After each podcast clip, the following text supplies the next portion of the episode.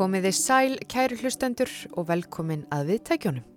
Ég heiti Gíja Holmgerstóttir og ætla að flytja ykkur sögur af landi. Þetta er sjötti þátturinn af nýju í sömar þáttaröðin okkar þar sem við tínum saman efni frá liðnum vetri fyrir ykkur til að njóta í sömar. Og við byrjum á að rifja upp örlagaríkan dag í fljótstal fyrir næstum 40 árum. Sengt í oktober árið 1980 hafði mikið snjóað á hálendinu norðan vatnajökuls og niður í byggð í fljótstall. Vegagerðamenn unnu þar við að hækka upp veg. En þegar verkinu var nestum lokið kom asa, hláka og mikil rigning og ár tóku að vaksa. Þrýr menn voru að störfum með bíl og Massi Ferguson, traktors gröfu og reyndu að forða því að flóð myndu skemma veginn.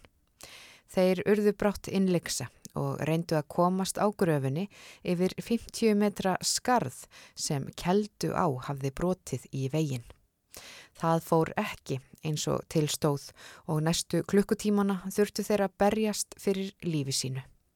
Rúnarsnær Reynisson hitti gamlan ítumann á eigilstöðum og heriði frá atbyrðunum sem urðu í fljótstal þann 31. oktober árið 1980. Gjör það svo vel. Takk fyrir það. Hvað sér ég að finna okkur stað? Jú, það ekki, ekki bara að sitja svolítið. Já. Ármann Örd Magnússon. Ég var náttúrulega vel að maður hjá Gunnar og Kjartani á þessu tíma sem þetta gerðist.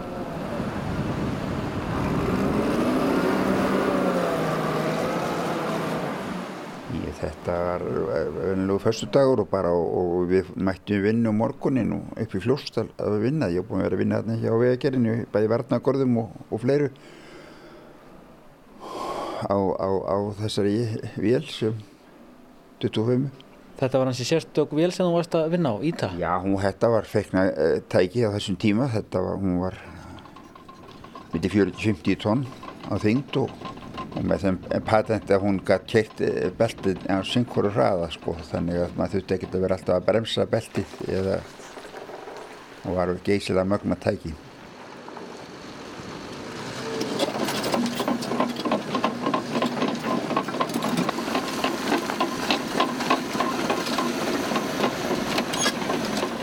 Já, já, það er þennan, þennan morgun, förstasmorgun þarna, þá mættu við í vinnu og komið auðsandir í vassfjöður og, og hann í snjó sem var búin að vera.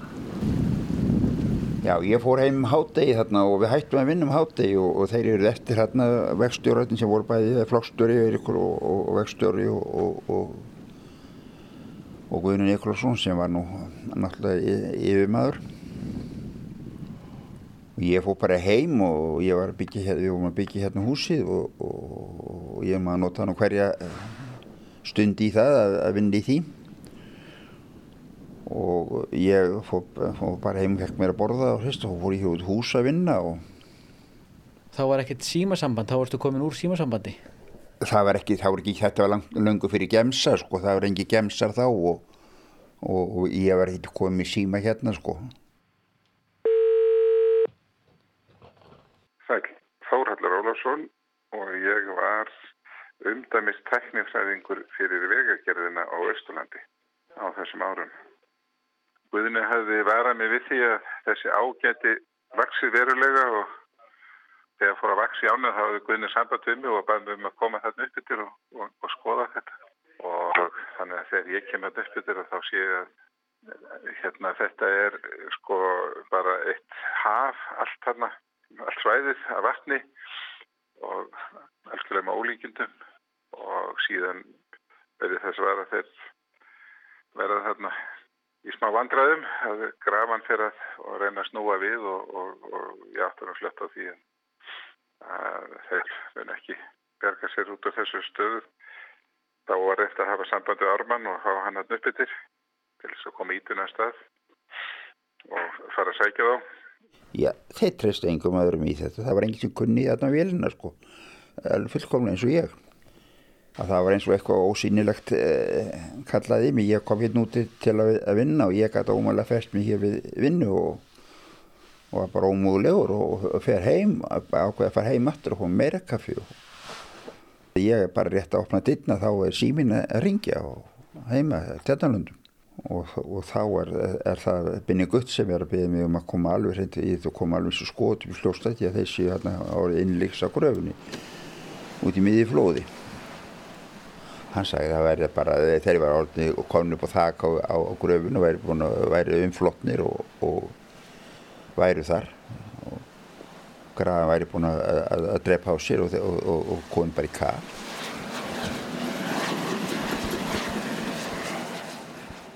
svona gríðalegt laup kom í ána að þá fóru verðnagarnir bara í sundur og, sópuðist í burtu og þar með vegurum á baknum og ég held að enginn hafi reknað með því að, að þetta myndi gerast svona snögt það gerðist bara á eins og hendi væri veifað Já, þeir voru svona í svona 20 cm vatnið yfir þakkinu á gröfunni Þannig að það þurfti að koma eins og fyrst í, í land. Ég hafði mestar ágjörða því að grafa myndi velta og það hefði orðið, orðið mjög alvarlegt og það hefði gerst. Guðinni, hann var mikið, mikið röspinu. Við varum búin að vinna på fjærðarheið og hann var að synda í, í vatninu þar og, og, og niður sjónum og segið þessu og, var svolítið vanur þess að hann kafaði niður í gröfhúsi og náði kaðal sem var þar og bundir söfu ljósin á, á topnum á gröfunni og hún var vist ég kann nú ekki lýsa þeim, aðstæðis en ég held að það hafi verið alveg hræðilega þar aðstæðis sem þeir voru við þarna við beljandi ströymurinn eins og, og, og það náði alveg upp á þakk og, og aðeins borð sko hlésmegin sem ég gátt og þurfti ekki verið alveg á kafin þegar ég kem aðeins þá voru þeir alveg, alveg þá sést ekkert af gröfunni nefninn MF-merkið á gálganum sem stóð upp úr og þeir sátu bara hérna og rétt bara uh, sá á hausinu á þeim. Þannig eru þrýr menn á kafi í klakavatninu í Kjeldavi fljótstal? Já.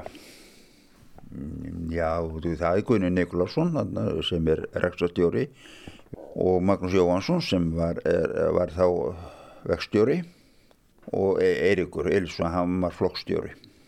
En meðan þú ert á leiðinni þá eru menn að gera tilbúið þarna á staðnum og, og farið það að færa ítuna þannig að hún sé tilbúin að fara á stað Já. og þá þurfa menn að fara þar með ítuna yfir, yfir brú sem átti nú eða ekkert að þóla 40-50 tonn. Nei, Þóraldur ég því.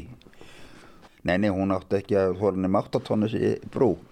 En það var náttúrulega ekki, kannski ekkert um það að ræða sko, að angott var að döga að drepa sko. Þessi helvis brú er nú ekki eh, virði á, á við þrjú manns líf, það er nú. En það glemdist reyndar eh, eitt mikið veg, það glemdist að, að setja kaðal í ítuna þegar ég kom upp yfir þá er hún komin yfir kvíslabrúna sem er þarna á milli og, og einar kerðana þar yfir og einar svo en svo treystu þeir sér ekki lengra og, og, og ég kem þarna stekk bara beint upp í ítun og þetta var náttúrulega alveg skjálfilegt að, að fara út í. Það komið myrkur fara að skikja mikið og eiginlega koma bara berst á myrkur. Og maður sá ekkert gröfin, ég fekk einhverja svona aðeins lýsing á því hvað þið væru. Ég var nú búin að vera þarna að vinna svo sem ég var þekkt eftir hún svo litið þess að ég mata þarna að, að, að það væri einu leiðin fyrir mig að fara þarna að verstaverðunni að, og komast á þannig grótgarð þó ég vissi nákvæmlega að ég kemist náttúrulega aldrei að þeim sko ég gæti ekki ímyndað með það. Grafan komin á kaf sko. Og þetta var náttúrulega bara skjálfilegt að, að, að fara út í myrkri þarna sko. Ég óskar mér þessi ekki aftur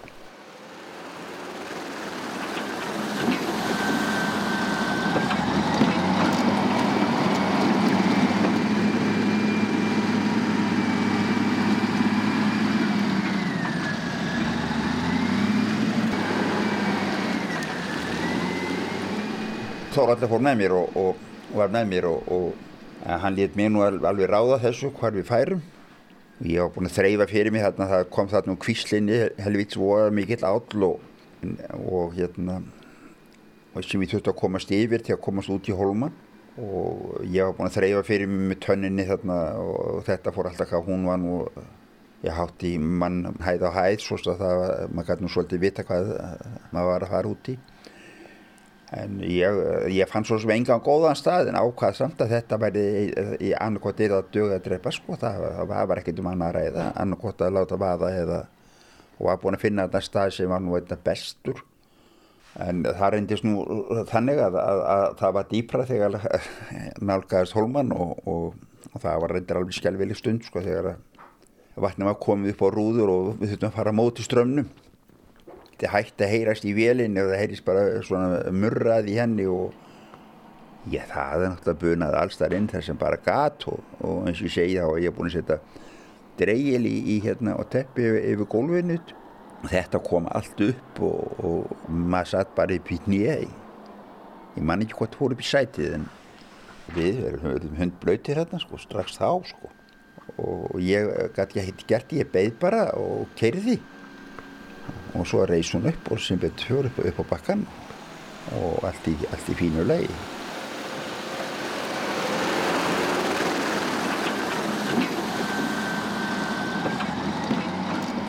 en svo byrjaði náttúrulega þegar ég var komin út í holmu það var heldur grinnra þar svona, samt svona alveg upp fyrir belti eða, eða um það að vera upp, upp fyrir belti svona og ég fann nú sem betur fyrir hérna uh, glótgarinn og, og, og, og þá ég ekkert fann að sjá þá neitt sko, maður vissi ekkert hvert, maður var að eiginlega fara sko. En, en, en svo því ég kem út að hérna glótgarinn fann ég hann og þó að hann væri að kafi í, í vatni. Þá beindust ljósinn náttúrulega þarna að þeim svo ég, ég hafa búið að segja með að það væri eitthvað einhver starfið í, í framhald af þessum glótgarinn og þá sá maður bara rétt í kollin á þeim sko, það var í, í ljósónum í tunni en svo uh, held ég áfram þarna fram og, þá þreifaði ég fyrir mig með tönninni og það var algjörlega, algjörlega botlust og þá voru 20, svona 20 metrar réttir í þá.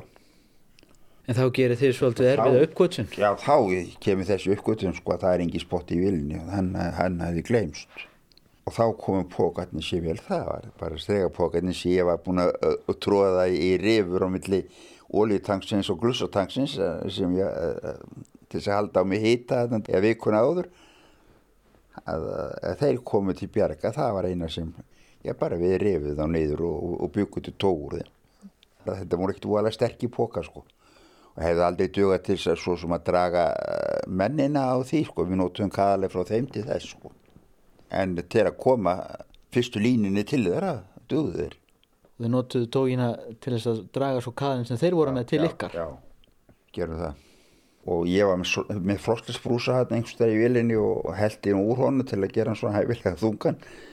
Þá erum við svona skást. Draumurinn er svona á, á, á, á milli okkar sko, og aðal allir á milli okkar og, og, og, og gröfuðarindar.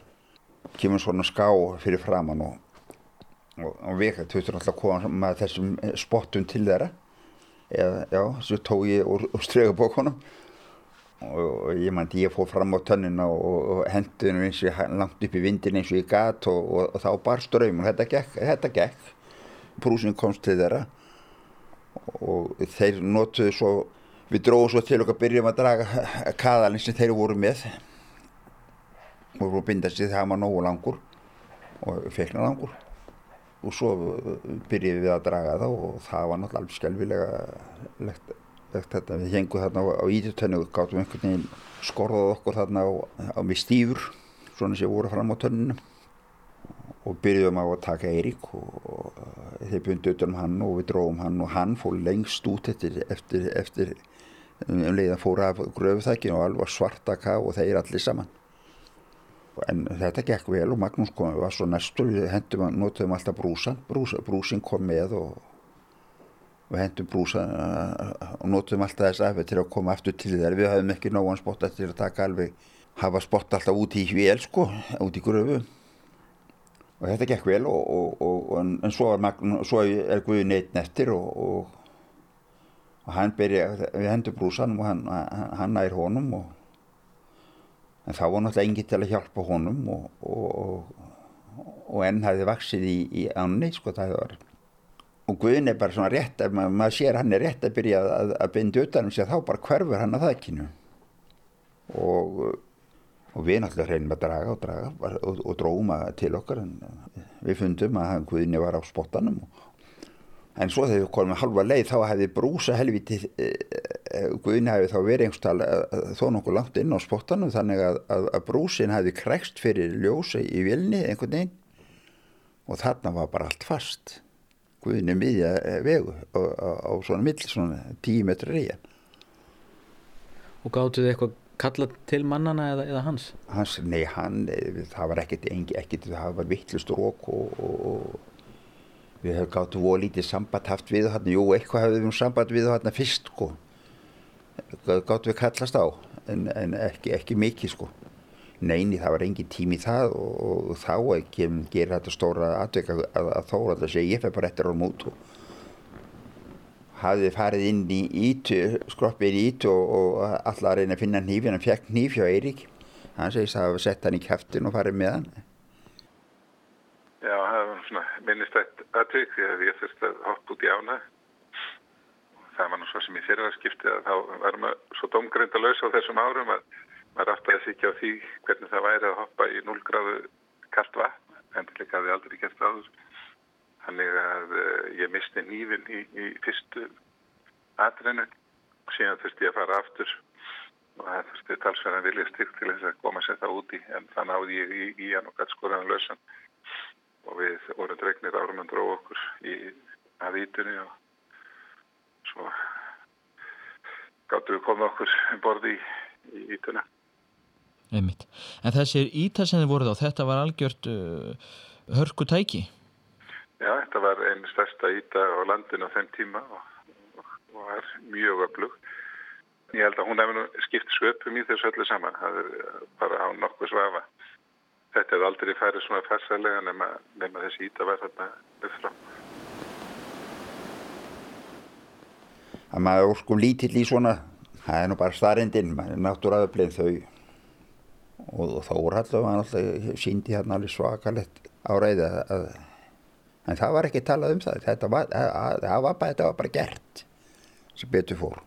Í hvernig ástandi voru mennetin þrýr þegar þeir voru komin svo um borði í ítuna? Já, Guðinni er restum, við gáttum ómulega náð spottanum úr höndunum á hann fyrst, því hann það var svo þvílíkt helja takkið á, á, á honum. Hann fór með spottan með sér inn í, inn í ítu og, og, og svo fór hann og aðeins fór hann að hressast og ég mann hann ekki nákvæmlega, en, en hann fór að hressast og, en Eiríko var náttúrulega lang vest á sig komin og svoleið sko hann, hann var hann var ekki nógu vel klættu sko. Það var það sem var held ég. Og Þórald aftók það alveg hreint. Hann var náttúrulega yfirmaður aftók það alveg að fara í álein aftur svo það var ekkit um það ég bakkaði bara ítjóna þetta aðeins og reyndi að hafa gringa á henni hérna það var náttúrulega samt svona upp fyrir belti. Þó ég gringaði nú aðeins á henni með því að bakka henni upp aðeins á holman og þar byði við bara og börðum hvern annan svona bara dumpum í hvort aðra og sungum til að halda okkur hita. Ég var nú í lópapissinu minni og, og lánaði Eiríki hana því að hún var svakalega kallt en svo var það nú til þess að við e, fórum að staða aftur að, að, að hérna að e, við sáum menn þarna komnar á, á holma þarna ekki, ekkert langt frá okkur og við vissum svo sem ekkert af því einsinu en þá voru það menn á bát og þeir hafði reynt að koma innan að, kyrt sko inn, inn veginn inn, inn í Suðudal aðeins og ætlaði að koma þarna og það voru björgunsveitir menn fór reyðafrið en þeir reyði ekkert við bátinn í, í þessu ströym og, og, og þessu látu þarna og svo fullt af grasi og alltaf anskotan sem flauta á þessu. Þetta, þetta er ekkert vennulegt sko. Þetta, þetta, þetta gerir sko. Það er, maður sá það best daginn eftir sko til margs sem það hvernig það fór alla girðingakafu alveg norður undir bara beigju eða vegamót þar sem á, á, á nesinu og stöpplætin fór undan Kjeldabrunni og það fór frá Jökulsabrunni að norðanverðinni. Nei, nei, við, þetta var aldrei gert. Ég, ég hef aldrei svo mikið verið að flíka þessu. Þetta var fyrir mestu að við maður gæti bjarga þessum mönnum þetta voru félaga mínir og allt saman og en hvort sem var sko maður hefði maður ég held að það hefði eitthvað leitt mig þarna sko annað en ég sjálfur. Sko maður verður vola lítill og, og varna laus þegar, þegar svona nokkunlega skeður og, og við þessar aðstæðu ég ég held að það, það mér finnst einhvern veginn eins og alla, allar skipanir mér hafi, ég, ég hafi við lettur í gegnum þetta allt saman hvað sem það er, það veit ég ekki það er svona mál.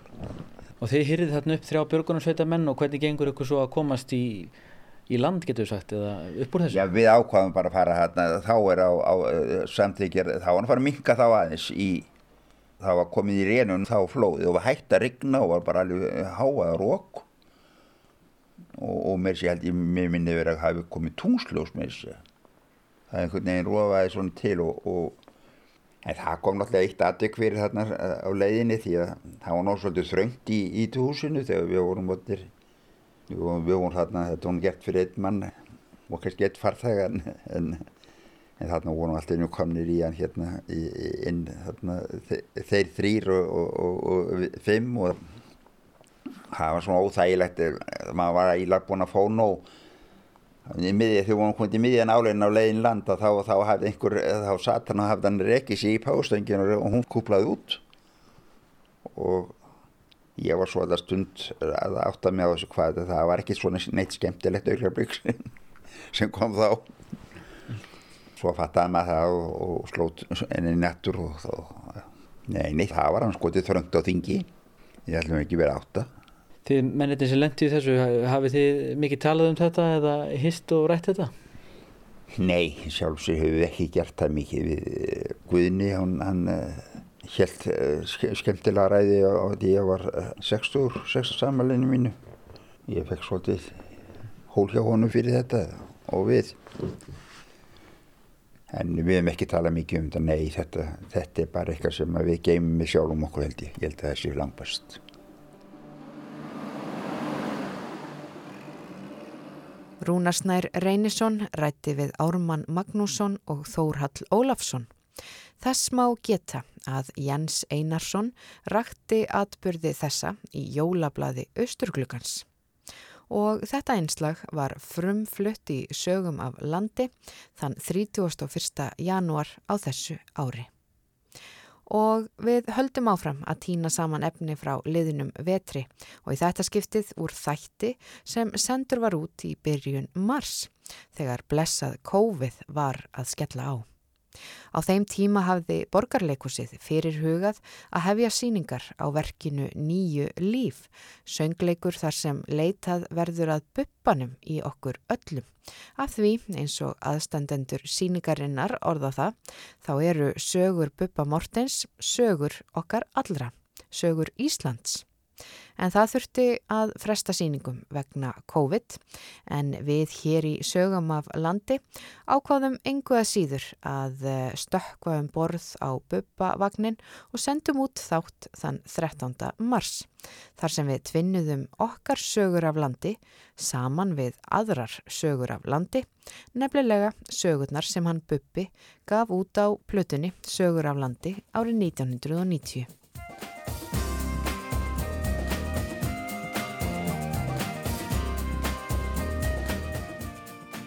Laugin á þessari plötu Bubba eru í þjóðlaga stíl og tekstarnir draga fram myndir af lífinu í landinu í allri sinni mannlegu fegurð.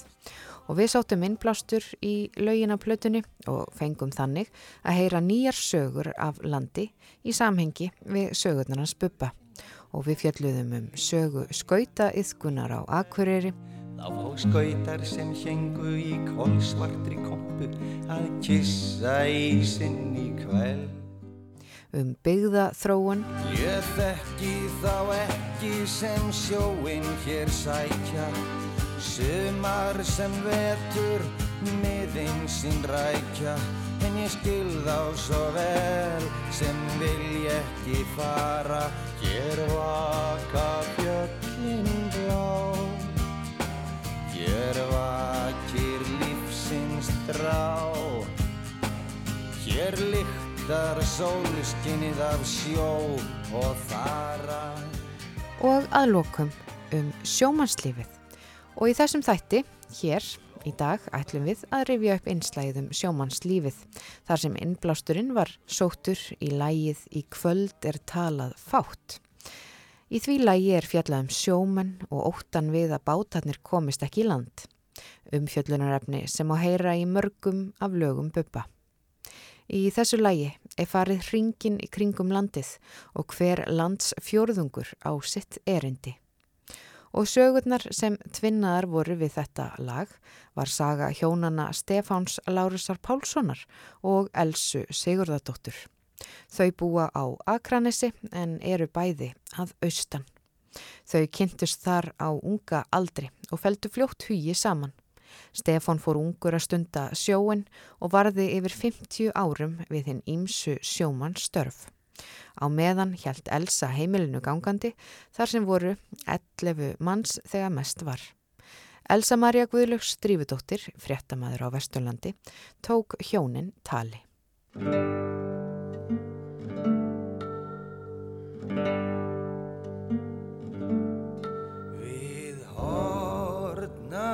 You're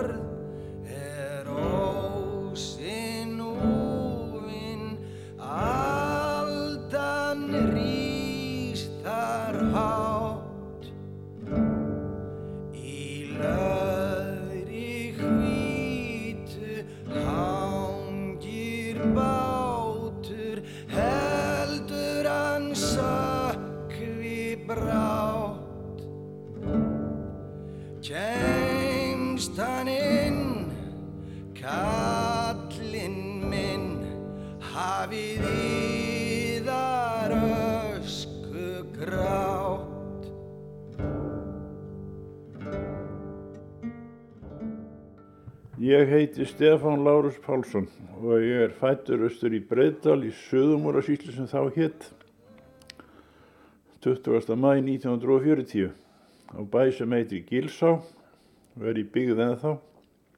En ef við kannski einbyttum okkur svolítið að svona þínum árum þegar þú, þú náttúrulega varst á sjó svo ábáslega lengi, hvenar var það sem þú fóst fyrst?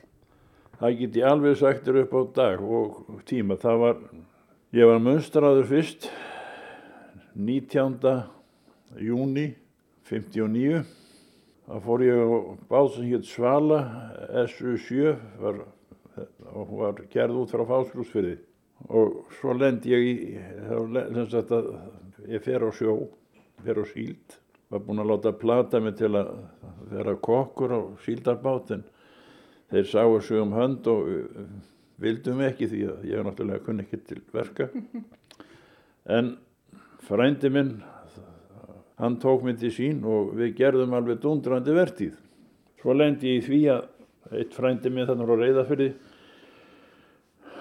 hann er að fá taka við nýju skipi frá Noregi og ég kemst þar um borð sem kokkur og hann beitti fyrir okkur með því að þetta sykla með aflan þá gæt maður ekki komið til útlanda svona eins öðveldlega eins og núna og ég fór þángað og komst til Þýskalands já, já. í syklingu og mér er nú einna minni staðist úr þeim túra þegar við, þetta var 150 tonna bátur svona cirka 30, með, 30 metrar langur mm.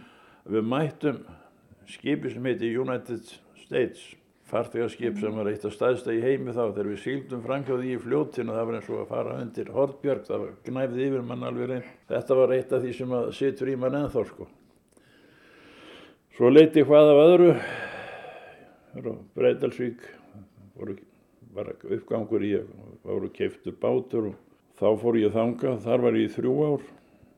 Þá var ég komin með löngu búin að kynna skoninu minni. Svo endaði, endaði þetta með þetta fó, maður fór fluttlendi söður og akranis og um, þetta hefur bara gengið þokkalega hjá okkur sko. Eignast þrjú börn, mistum eitt yngsta og um, ég var alltaf á sjónum og hún í landi með stort heimili fyrir að móður hennar dó þá skildi hún eftir fjögur börn sem voru ung eða voru fyrstar aldri og þau höfnuði hjá okkur, hún hafi lofað því að móður sinni því að bannarsangin að taka að sjá til þess að fjölskyldna fær ekki á víð og dreif. Og þegar ég kem í land og róðri þá hefur fjölgað í gotinu fjögur börn og Við rættum það nú aldrei sérstaklega, það var bara gefið í, bara róið, bara róið meira og hún náttúrulega bætti á sig vinnu alveg. Og þegar það var flest í heimilja okkar vorum við 11. Svo það var svona hefðbundi sjónhanska hjá okkur. svo endaði ég í því að ég verð ræð, ræð mig hérna ræð plata mig að fara til hérna eftirlisniður Kanadastrandur um íslensku rækjuskipum eða ég hef ekki að plataður, ég fó, tók þetta bara það var alltaf verið tilbúin í að prófa eitthvað nýtt. Og þetta úteimti það að ég var í þessu í tæp 16 ár sko. og hundi hann mínu bara vel. Svo lendi ég í því að, að veit ég hvað af öðru að ég fór til eftirlis með japanskum fiskveiðskipum og ég var í, í þýskum og ennskum tóðurum hérna í Ísland hérna heima.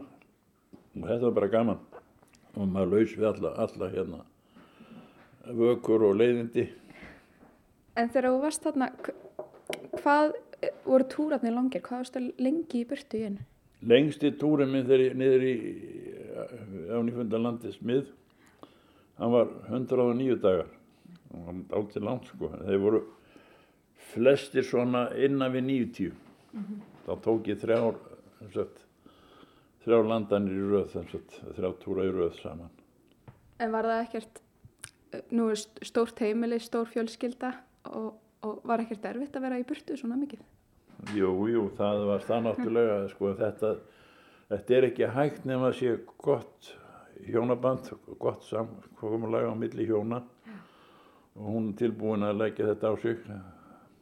Ég var áhorfandi að mörgum, mörgum svona samböndu sem gliðinu í sundur út af þessu. Mm -hmm. Ég er eiginlega þannig að laung úti vist hún brítum ekki neitt. Ég man eftir einu félagin mínu sem var í, í hérna, við vorum með japansku bátana hérna, eftir liti. Hann brotnaði niður eftir tæpan mánuð og hann ringdi þá í mig og, og bara grétt niður brotin maður. Ég var að reyna að haugrist hann og segja hann að hann er það. Þetta væri nú ekkit svona voðalegt sko, en það var ekki hægt og þeir fóru meðan til settin í landa og Argersýrs og Spáni í Japan, þeir vildi ekki hafa svona borð svona vika sko. Nei. Eini það er, það er að túnum að byrjaður að það var, svo fór maður að telja niður, þetta verður ekki nema þetta eftir og svona.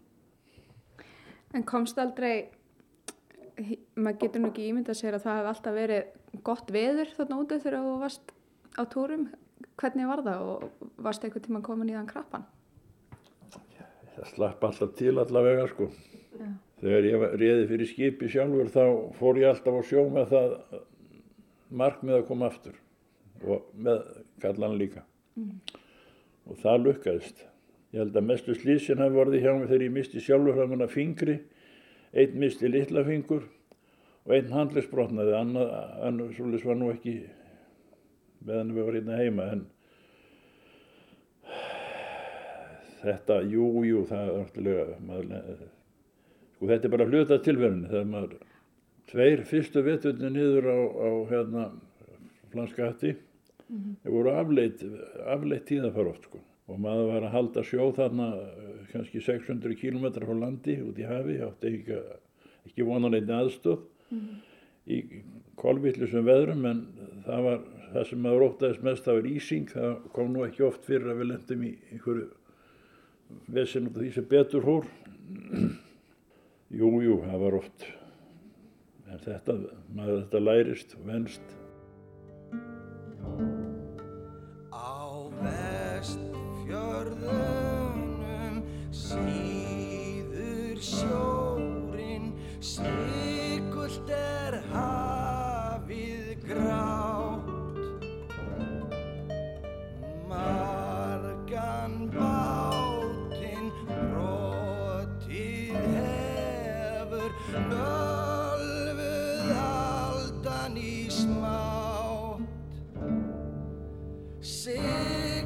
þeir enn sjóinn þessir menn er smukku í hafið blátt. Og þú ert he heill á húfi hérna heima í dag fyrir Já, utan hann að já. framan á fingri. Guði sér lof, það er, ég er þakkláttur fyrir það. Hérna við til dæmis, ég held að eh, einn erfiðasta sem ég lendi í það var ég var á trillu hérna lítilli og lendi hérna fram í flóa og það rók hvest á, okkur, á, á mig, sko, ég var einn. Og þá var ég nú svona farin efast um það á tímabila að ég myndi náði að komast heim, sko. Ég var síðustu þrjár mílutna væri tæpa fjóra tíma berja á móti og það, það hafðist. Og maður lærið af þessu. Já, ég trúi því að þetta hafi verið lærdómsreynsla að lenda í þessu. Það, það þýðir ekkert nema yfirvegum bara. Vera. Sko ég er á þeirri trú að það sé það manni sé ætlaður ákveðin tími eh, hérna og þau eru ekkert breytt. Ég get bara tekið dæmið það að eru að, að, að bróður minn, ég átti, ég átti hérna sex bræður, eða reynd, já ég átti sjö, sjö bræður, að taka það fram sko, það voru, það voru fimm hálfbræður og tveir hálfbræður og elsti hálfbróður minn hann, sjórin tók hann, þannig að hann var þrítugur frá konu og tveimur börnum, hann fór í sjói hérna fyrir, í, í látraröstinni óveðsnótt og um, þá vorum við fannir að róa heima á Breitalsvík ég og, og Pálmi bróðir. Og ég fór til mömmu og sagði við hann að ég verði alveg til í það eða við báðir að, að annar voru eða báðir að fara og fara í land ef henni verði einhver hugar hægði því. Hún horfði á mig konan og alveg svipur sagði svo nei, nei góð, mér verður þú bara kýrast þú ert. Það er löngu ákveði hver, þinn tími löngu ákveðin það verður bara kýr Já.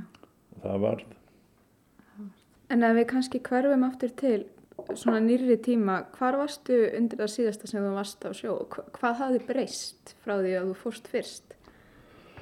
Það má eiginlega segja allt hafi breyst nema, nema kannski það að upp og niður og aftur og baka og áfram og og stjóru og allt það sko. Fyrst þegar ég fór þá var ég á, á bát sem að var eikabátur frá smíður í Svíþjóð. Nokkuð stór þá var hann bara um 1300 mála síld. En það þótti mikið lúksus að það var klósett í hún, vasklósett það var ekki alls eða þá sko. Þetta voru jú á þeirra tíma ágætis, ágætis skip og allt það en svo breytist þetta. Þegar ég fer þarna kokkur á, á sélina frá Eskifyrði þá er að koma stálbátar inn nýjir og þar voru bara með sér klefa og bað og alla græjur og, og allur aðbúnaði mikið betri. Svo þegar ég hætti, ég hef fór síðasta túrin sem ég fór var á, á fristitóra var á Vigra, Reykjavík sem var einn af nýjustu tórunum þá, stórt og mikið og gott skip og þetta var bara eins og eh, maður væri komin á í annað land sko eða fa- fastaland, þetta er svo stór og mikið skip. Það er bæði aðstæði til að hvíla sig, þrýfa sig og, og, og, matast mér, mér fannst þegar ég fór yfir á tógara fyrsta skipti ég fór fyrsta túra á tógara hérna Haraldi Böðvarsinni sem var hérna að mér fannst þetta bara alveg frábært að það við vorum inni. Þetta er yfirbyggt og var, var vinslut, eða, aðgerða þetta ekki, þetta var lokað, maður var ekki eins og maður var á bátunum og standa út í öllum veðrum. Þetta hefur verið bara eins og luxustöður. Men mér fannst það, Já. það voru ekki allir sammála því sko, en mér fannst það.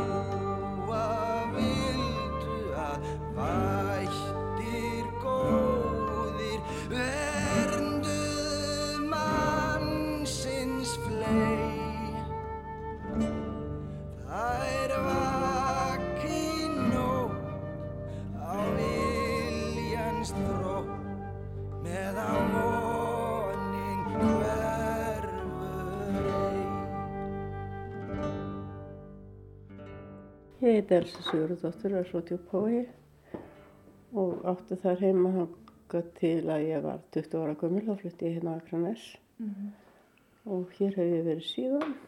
Mínu fóreldrar voru Sigurður Jóhannesson, sjómaður og Sigurður Leðurstóttir,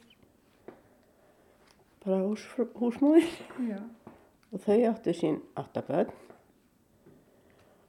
En þau fluttu hérna suður líka, mamma og pappi, sem sagt með sín Þau voru ekki orðin nema fjögur, fimm heima þá.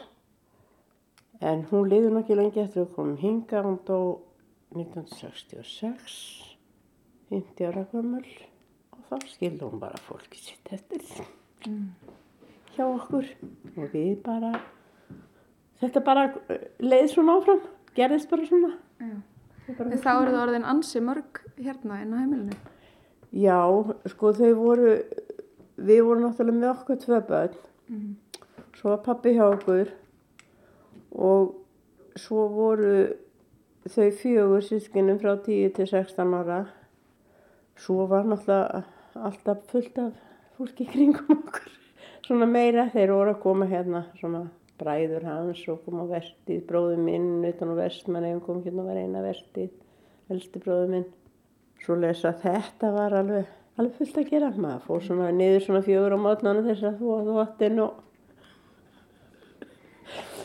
og koma þessi alltaf fram. Þá var náttúrulega alltaf matur í hátinn og matur á kvöldin og hún segja, segja það er stelpunar að það er myndi eftir mér að skúrandi gólfin á eftir hátið og daginn og, og líka eftir kvöldmat. Þetta var alltaf svo mikill umgangur, þetta var svo margt fólk. En þetta blessaðist allt saman og Jú, jú, svo var hann var náttúrulega aldrei heima þessi kall. Hann var alltaf að vinna fyrir okkur.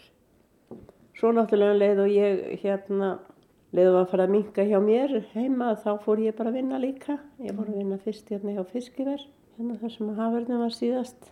Svo var ég svona hinn og þessu ég var. Ég endaði vinnu daginn minn hérna hjá Akraborg. Þá var ég orðin 67 ára og þá var ég eiginlega bara búinn. Ég gæti ekki. En í dag er ég allt í lægi sko, ég meina, þetta er bara rúla svona áfram. En maður þinn svona mikið í burtu á túrum var ekkert erfitt að vera bara ein með allt þetta fólk á heimilinu. Nei, ég veit það ekki. Stundum fannst mér að fyrir þegar hann kom heim, skipta sér af. Og það var nú bara þannig sko að til mér krakkarnir, þau spurðu hann aldrei, okkar krakkar, þau spurðu hann aldrei ef það var eitthvað sem hafa ventað eða þurfti að gera. Þau spurðu alltaf mömmu. Mamma átt að spurja pappa. Þetta var bara þannig sko því að hann var það lítið heim og ég held að þau ekki vilja helst að ónáða hann þegar hann var, að, var heima sko og vildi bara þá gefa honum frið. Mamma kannski bara gert þetta að redda þessu. jú, jú, au- auðvitað var þetta erfitt eh, oft á tíðum en svona taldi, eins og hann sagði maður taldi niður. En það hefur þá verið svolítið breyting síðan þegar þið kannski hætti bæði að vinna og eru síðan bara með hvort öðru allan daginn, alla daga. Já, já, við hættum bæði að vinna um svipa leiti, hann, við erum jafn gömul svo til að hann er eitthvað fjórum mánuðum yngri en ég og við hættum svona svipa leiti að vinna og hann var náttúrulega búinn líka, hann var búinn í lappinnar á hann voru búinnar og svona ímislegt sem að maður farið að láta á sig á eftir allan tíma. En svo hefum við bara haft, haft bara bóða gaman hvort að öðru síðan og við ferðistum mikið og eigum húsbíl og förum mikið um og svo eigum við hérna gott, fólk að sem að kemur hérna til okkar á hverjum degi. Þau eru aðalega tvö sem komi hérna til okkar á hverjum degi. Þannig að það, þetta er allt saman bara í blóma. Þannig að þeir eru kannski núna í dag að bæta upp fyrir þann tíma sem þið voruð í sundur. Ég kannski, en við, við þökkum fyrir á hverju kvöldi og, og hverju mótni bara að vera, bara að geta verið saman og átt okkar, okkar stundir. Okkur bara líður held ég ágætlega saman. Mm. Skýstustum og skoður stundum og svona eins og gengur að gerist. Já, búum við kettinum. já, já. Nú að kannski að ákomendunum eru ykkur fleiri sem að álpuðust á sjó. Já, drengurinn okkar, hann var á sjó í, hann var mörgar á sjó, hann Pétur, hann byrjaði á sjó bara þegar hann var bara krakki, sko. Já, og henni er ekkert langt síðan hann hætti að fór hann að vinna fiskmarkanum og hann er sem sagt alltaf í þessu, þessum, þessari vinnu, fiskivinnu, einhverju. Og svo var sonur hans sjómaður, var hérna á tógara, hann er nú sem betur fyrir komið bara í land og um duðlega svo örskstæði. Það segir komin að land sem betur fyrr, leist þér ekkert á þetta? Æ, ég, mér finnst bara, jú, mér finnst það gott að, að ég veit ekki hvort að, sko, eftir það að hann búin að eða mest allir sinna eða og svo þá finnst mér eiginlega, ég veit ekki hvort að ég er nokkuð voðalega spennt fyrir því að fólk, sé- menn sé að eða allir sinni æfi frá, eða mest allir sinni æfi frá fjölskyldinni. Ég, mér finnst það bara voða gott að hafa. Varstu eitthvað tíman hrætt með hann kemi að er þið erfitt úti og Nei, veistu, ég var ekkert, ekkert rætt um það. Ég var ekkert rætt um það. Ég bara, maður eh, trúði alltaf á það eins og hann segir, sko, ég hef alltaf trúið því að okkar lífsbók væri skrifuð og, og, og henni er ekkert breytt sama hvar fólk væri. Mm. Anda segi ég það líka núna í, í veirunni, ég segi bara þegar krakkarnir segir hann svo gömul. Ég áfætti hóp, ég segi þetta er búið ákveð, þetta fyrir löngu síðan, þetta var ákveðið leið við fættustum þegar við færum. Og hvort við fyrir úr þessu eða einhverju öðru, það við vitum ekkert um það. en ég held að það sé mjög heilnæma góð leið til þess að horfa á lífið að bara, það er búið að skrifa Það þetta er búið að skrifa hana. Við vitum það. Ef við, ef við trúum á það sem við eigum að trúa á, að þá, þá trúum við því að þetta sé á, allt ákveð. Ég myndi segja það.